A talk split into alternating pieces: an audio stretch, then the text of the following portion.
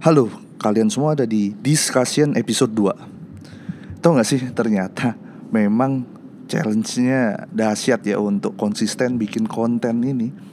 Sebelumnya saya berencana untuk ya seminggu sekali lah kira-kira saya harus update konten. Ternyata banyak aja halangannya Apalagi sekarang saya lagi ya cukup uh, seru memulai kehidupan pertama sebagai ayah. Nah tapi ini akhirnya saya coba cari waktu di sela-sela yang menurut saya bisa dimaksimalkan. Tahu nggak? Hari ini saya rekam podcastnya di perjalanan menuju ke kantor. Di dalam mobil perjalanan menuju ke kantor. Oke, hari ini saya bakal sharing tentang satu hal yang memang ya cukup jadi tema yang seru juga. Yaitu pemanfaatan LinkedIn.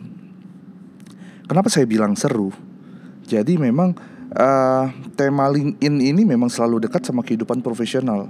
Seperti yang kita tahu, LinkedIn ini adalah platform sosial media yang memang ditujukan untuk kehidupan-kehidupan para profesional-profesional yang ada. Jadi relate ke karir mereka, ke pengembangan pengetahuan mereka, mungkin ke hubungan mereka dengan network mereka dan lain-lain gitu.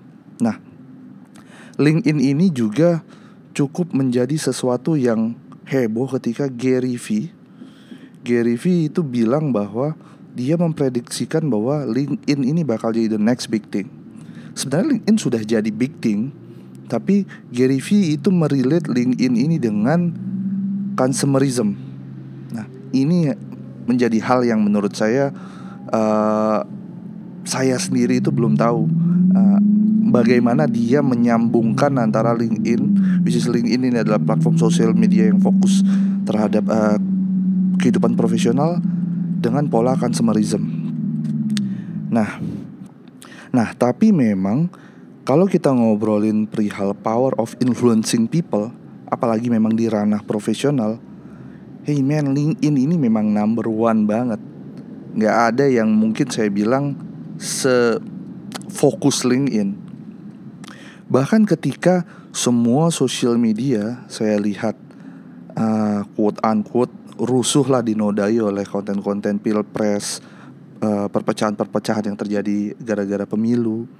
LinkedIn itu justru dijaga oleh user-usernya sendiri. Sesama user cenderung akan saling menasehati untuk bilang bahwa this is not a place to talking outside of professional life. Nah, jadi memang uh, menarik sekali ini memang platform sosial media ini. Nah ngomong-ngomong saya sendiri itu sudah cukup lama memanfaatkan LinkedIn. Mungkin benar-benar dari awal karir saya kali ya. Nah ketika masih sangat junior itu saya melihat bahwa ada dua kesalahan terbesar ketika orang-orang yang mungkin tidak terlalu mendalami LinkedIn itu melihat LinkedIn dari luar. Yang pertama adalah mereka beranggapan bahwa LinkedIn ini sama saja tempat untuk sharing semua konten which is itu salah. Yang kedua, beberapa orang itu mengira bahwa LinkedIn itu hanya untuk mencari kerja. Ini juga yang sangat salah. Jadi dulu uniknya ini kalau misalnya ngelihat orang yang lagi buka LinkedIn di komputernya, misalnya bosnya nih melihat, bosnya pasti langsung tebak bahwa kenapa kamu? Kamu udah nggak betah nih di kantor. Kamu lagi cari kerja ya? Saya lihat kamu buka LinkedIn. Nah, ini bentuk paradigma yang salah. Ini juga yang saya tekankan ketika saya mendapatkan kesempatan diundang oleh LinkedIn menjadi salah satu narasumber di LinkedIn Media Roundtable dulu di Indonesia. Uh, saya bareng sama Pak Pambudi, beliau sekarang itu adalah uh, VP HR-nya Danun. Di situ saya mewakili milenial profesional yang uh, pada segmen milenial. Justru yang saya tekankan adalah bagaimana memanfaatkan LinkedIn secara sangat-sangat maksimal dan tidak berpikir LinkedIn hanya tempat mencari kerja. Nah, that's why di podcast kali ini saya bakal cerita apa manfaat-manfaat yang kalian bisa ambil dari LinkedIn yang mungkin kalian belum sadari. Tapi sebelum itu saya uh, make sure dulu bahwa kalian at least sudah buka LinkedIn or semoga kalian sudah punya profil LinkedIn sehingga setelah kalian mendengar podcast ini, kalian bisa langsung mengaplikasikannya. Oke? Kita mulai dari poin nomor satu, yaitu LinkedIn tempat untuk mencari ilmu sebanyak-banyaknya.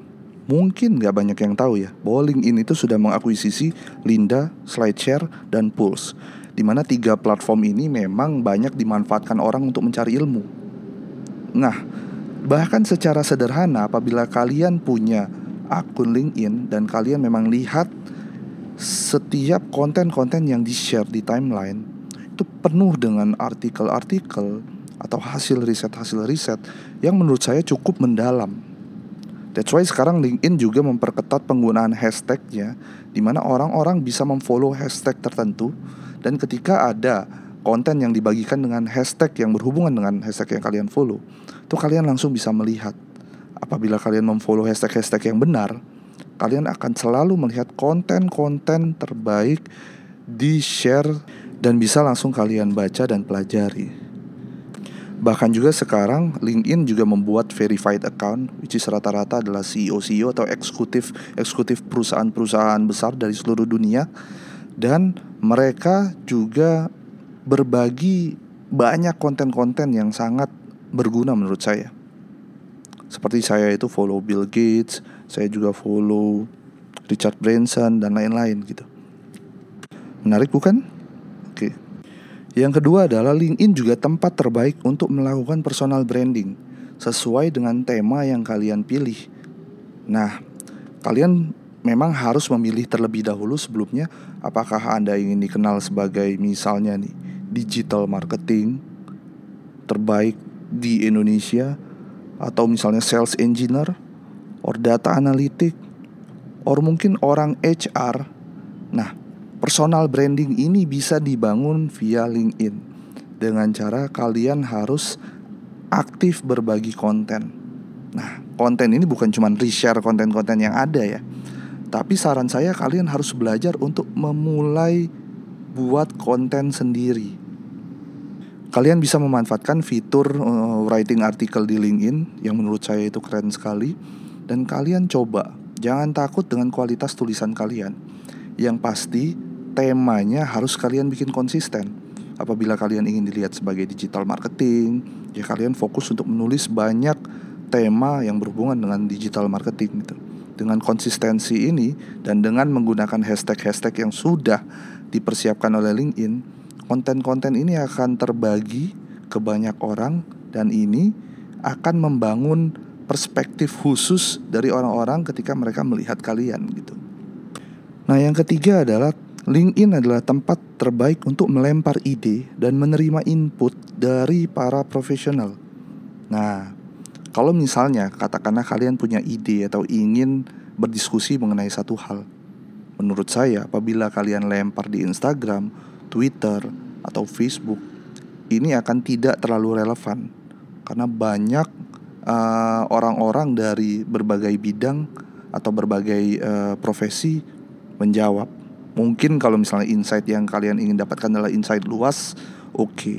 Tapi ketika kalian memang butuh input dari orang-orang yang memang profesional dan paham bidangnya, menurut saya LinkedIn adalah tempat yang tepat. Kalian kalian bisa pergunakan fitur statusnya, lempar satu pertanyaan atau bahan diskusi dan saya bisa jamin komen-komen atau jawaban-jawaban yang masuk itu akan sangat cukup profesional dan bisa kalian jadikan input terkait sama ide yang kalian sounding gitu. Karena memang ya yang menjawab adalah orang-orang yang profesional di bidangnya. Nah, poin berikutnya ini yang termasuk sering saya lakukan dan surprisingly ternyata ketika saya tanyakan ke teman-teman saya, tidak banyak yang melakukan hal ini lewat LinkedIn. Yaitu untuk mengetahui latar belakang partner meeting sebelum kalian bertemu. Menurut saya, ketika saya meeting dan orang tersebut tahu at least background saya atau apa yang saya kerjakan, itu adalah bentuk apresiasi tersendiri. Gitu. Nah, bagaimana caranya untuk tahu background atau misalnya kehususan atau uh, bidang orang-orang yang kalian akan ajak bertemu di meeting? Itu salah satunya adalah lihat profil LinkedIn mereka. Search nama mereka atau perusahaannya. Lihat list perusahaan-perusahaan di mana mereka bekerja sebelumnya sehingga kalian dapat insight penuh tentang siapa mereka. Nah, ini akan kalian jadikan bahan diskusi atau bahan obrolan di sela-sela uh, meeting kalian. Ini akan jadi bentuk apresiasi tersendiri. Mungkin ini istilahnya kepo yang profesional ya.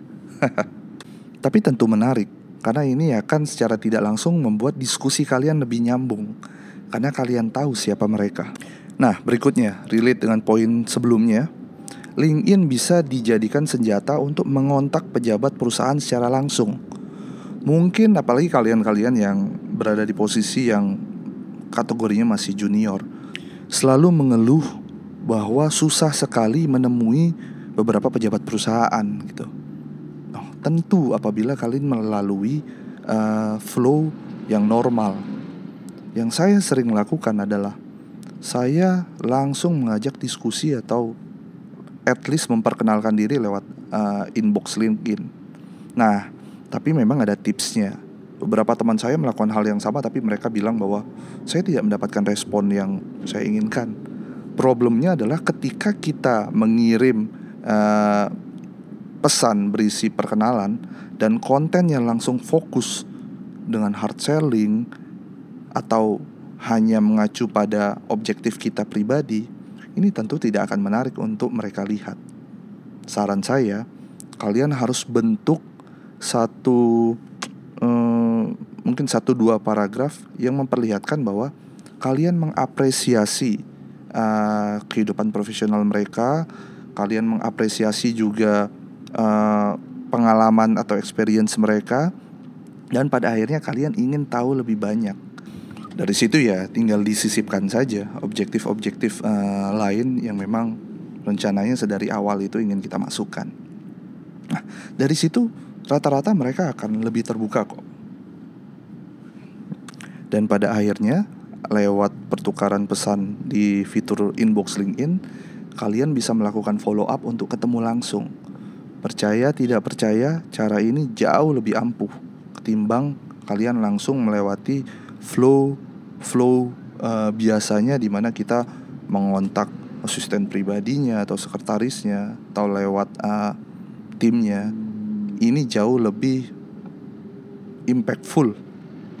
Nah, untuk benefit berikutnya, mungkin ini banyak berguna untuk orang-orang HR atau marketing ya. Di mana LinkedIn digunakan untuk tempat employer branding campaign. Ketika apalagi misalnya perusahaan kalian adalah perusahaan baru, kalian memang diharuskan untuk memperkenalkan perusahaan kalian ke halayak ramai, ke industri, ke para profesional. Nah, ini bisa secara konsisten dilakukan di LinkedIn. Karena via LinkedIn Anda tidak harus mengekspos hanya eh, bagian-bagian uh, yang terkait komersial.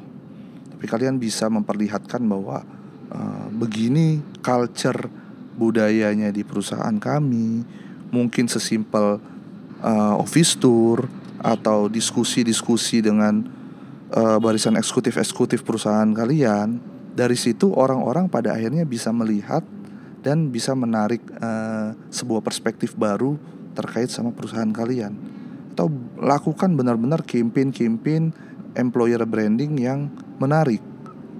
Saya melihat beberapa perusahaan-perusahaan saraf seperti Gojek, uh, Tokopedia, Bukalapak ini sering sekali melakukan hal-hal tersebut di LinkedIn.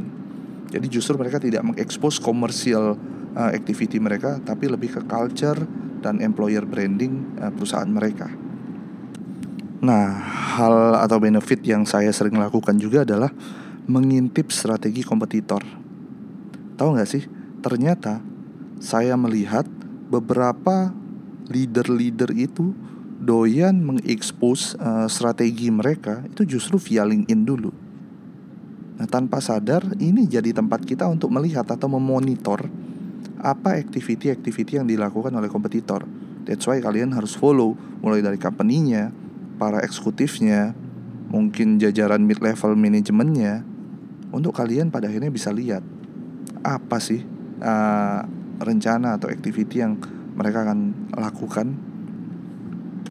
Tentu untuk benefit terakhir, oke, okay, mencari kerja di LinkedIn fasilitas untuk mencari kerja atau justru mencari talent itu sudah dipersiapkan dengan sangat rapih. Bahkan saya sering melihat bahwa banyak posisi-posisi yang ada di LinkedIn tapi tidak ada di uh, job portal lain. Karena mungkin mereka merasa bahwa di LinkedIn barisan-barisan profesional yang siap mendaftar jauh lebih banyak. Ini ya pada akhirnya ya tetap bisa kalian manfaatkan dan of course tolong kalian perbaiki dengan betul uh, profil profesional kalian. Ini penting banget. Jadi jangan sampai ketika kalian mendaftar tapi kalian tidak sama sekali mempersiapkan profil kalian untuk nyaman dilihat atau at least secara konten memang worth untuk dibaca oleh para HR atau user-user yang nantinya akan mempekerjakan kalian. Nah, ternyata banyak kan benefit yang bisa kalian dapatkan lewat LinkedIn di luar hanya untuk mencari kerja. Sure, kalian mulai hari ini buka account LinkedIn kalian, perbaiki, pasang foto yang profesional, isi konten-konten uh, kalian dengan konten-konten yang menarik, perbaiki profile kalian atau semua yang kalian cantumkan terkait skill, professional experience, mungkin volunteer experience atau research experience dan lain-lain.